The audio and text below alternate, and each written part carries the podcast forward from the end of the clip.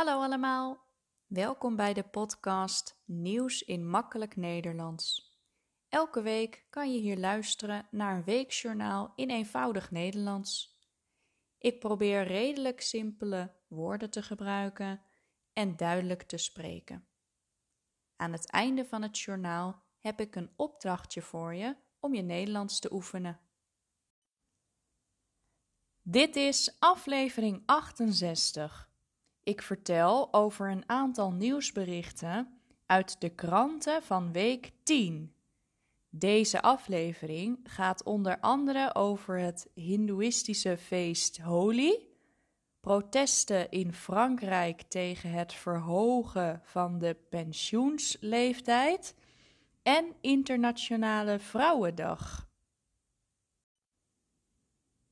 Deze week vierden mensen van over de hele wereld Holi. Holi is een Hindoeïstisch feest rond maart, op de dag na volle maan. In de Hindoe-kalender heet die maand Falgun. Daarom heet het feest ook wel Holi Phagwa.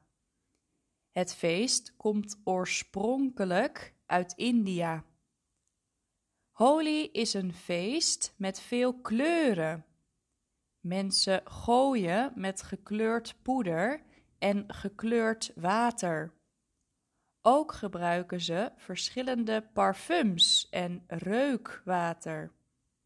Ze vieren het begin van de lente en dat het goede altijd wint van het kwade. Het is een feest voor jong en oud. Er worden grote festivals georganiseerd.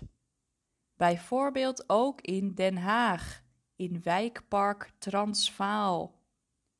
Er waren optredens van zanggroepen en bands. En er was een feest op het plein. Er zou ook een optocht door de straten zijn, maar die ging niet door vanwege het slechte weer. In Frankrijk is het de afgelopen weken wat onrustig. Mensen gingen de straat op om te protesteren tegen het verhogen van de pensioensleeftijd. Pensioen betekent dat je stopt met werken. In Frankrijk kon je al als je 62 jaar was met pensioen. Maar nu wil Macron die leeftijd verhogen naar 64 jaar. De Fransen mogen dan dus twee jaar later met pensioen. Macron denkt dat dit nodig is omdat de Franse bevolking vergrijst. Vergrijst betekent dat er steeds meer ouderen zijn en minder jongeren. Dus een relatief kleine groep werkenden moet het pensioen van een steeds grotere groep ouderen betalen. Daarom moet de pensioensleeftijd omhoog, vindt president Macron. Maar de Fransen zijn het er niet mee eens. Ze protesteren. En in bijvoorbeeld het onderwijs en het openbaar vervoer wordt gestaakt. Het personeel legt het werk tijdelijk neer. Ook in de Franse Senaat en het Assemblée, een soort Eerste en Tweede Kamer, is er chaos. Politici zijn het niet met elkaar eens. Het is moeilijk om samen een middenweg te vinden. Rusland gebruikt nieuwe raketten in de oorlog tegen Oekraïne. Bijvoorbeeld hypersonische Kinshal-raketten. Dat zijn heel dure, snelle raketten. Ze kunnen luchtafweersystemen passeren. Oekraïne kan de raketten dan niet uit de lucht halen. Binnenkort komt er een Patriot luchtafweersysteem in Oekraïne. De VS, Duitsland en Nederland leveren dit systeem. Maar ook met dit systeem is het moeilijk om de Kinshal-raketten uit de lucht te halen. Woensdag 8 maart was het Internationale Vrouwendag. Op deze dag vragen mensen om gelijke rechten voor vrouwen en meisjes. Op veel plekken in de wereld worden mannen en vrouwen niet gelijk behandeld. Zo krijgen mannen vaak meer salaris dan vrouwen voor hetzelfde werk. En in sommige landen mogen meisjes niet naar school. Op Internationale Vrouwendag zijn er bijvoorbeeld symposia, trainingen en debatten waarbij de positie van de vrouw centraal staat.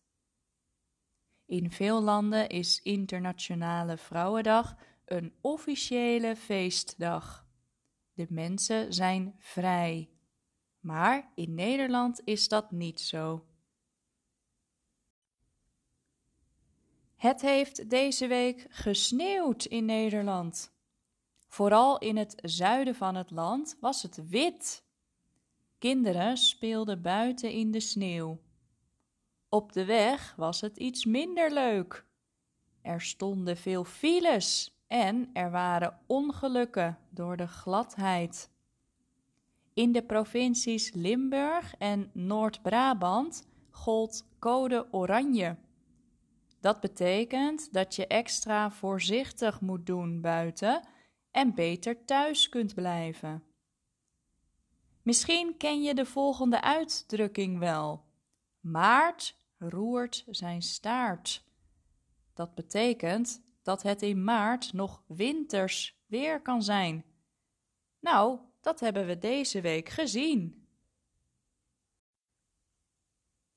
Komende week is het Boekenweek. Tien dagen lang is er speciale aandacht voor het Nederlandse boek. De Boekenweek wordt elk jaar geopend met het Boekenbal. Op dit evenement zijn veel Nederlandse schrijvers aanwezig. In de Boekenweek verschijnt er elk jaar een Boekenweekgeschenk. Geschenk betekent cadeau. Het is een novelle, essay of roman en wordt ieder jaar door een andere schrijver geschreven. De auteur is de hoofdgast van het boekenbal. Je krijgt het geschenk gratis als je een boek in de boekenwinkel koopt. Er is ook een Boekenweek gedicht. En dit jaar is het gedicht geschreven in het Fries. Fries is de tweede officiële taal van Nederland. Deze taal wordt gesproken door de inwoners van de provincie Friesland in het noorden van het land. Het is de eerste keer dat het Boekenweekgedicht in deze taal is geschreven. Het is dus een primeur. En dan nu het opdrachtje van deze week om je Nederlands te oefenen. Ik vertelde dat het komende week Boekenweek is. In deze week is er extra aandacht voor het Nederlandse boek. Elk jaar schrijft een andere auteur een Boekenweekgeschenk speciaal voor deze week. Zoek op internet wie het Boekenweekgeschenk dit jaar heeft geschreven. Kan je ook vinden waar het boekje over gaat? Schrijf een kort, informatief stukje tekst over het boek en de schrijfster. Dat was het voor deze week. Wil je de tekst ontvangen van deze aflevering? Stuur dan een mailtje naar nieuwsinmakkelijknederlands@hotmail.com. Bedankt voor het luisteren en tot volgende week.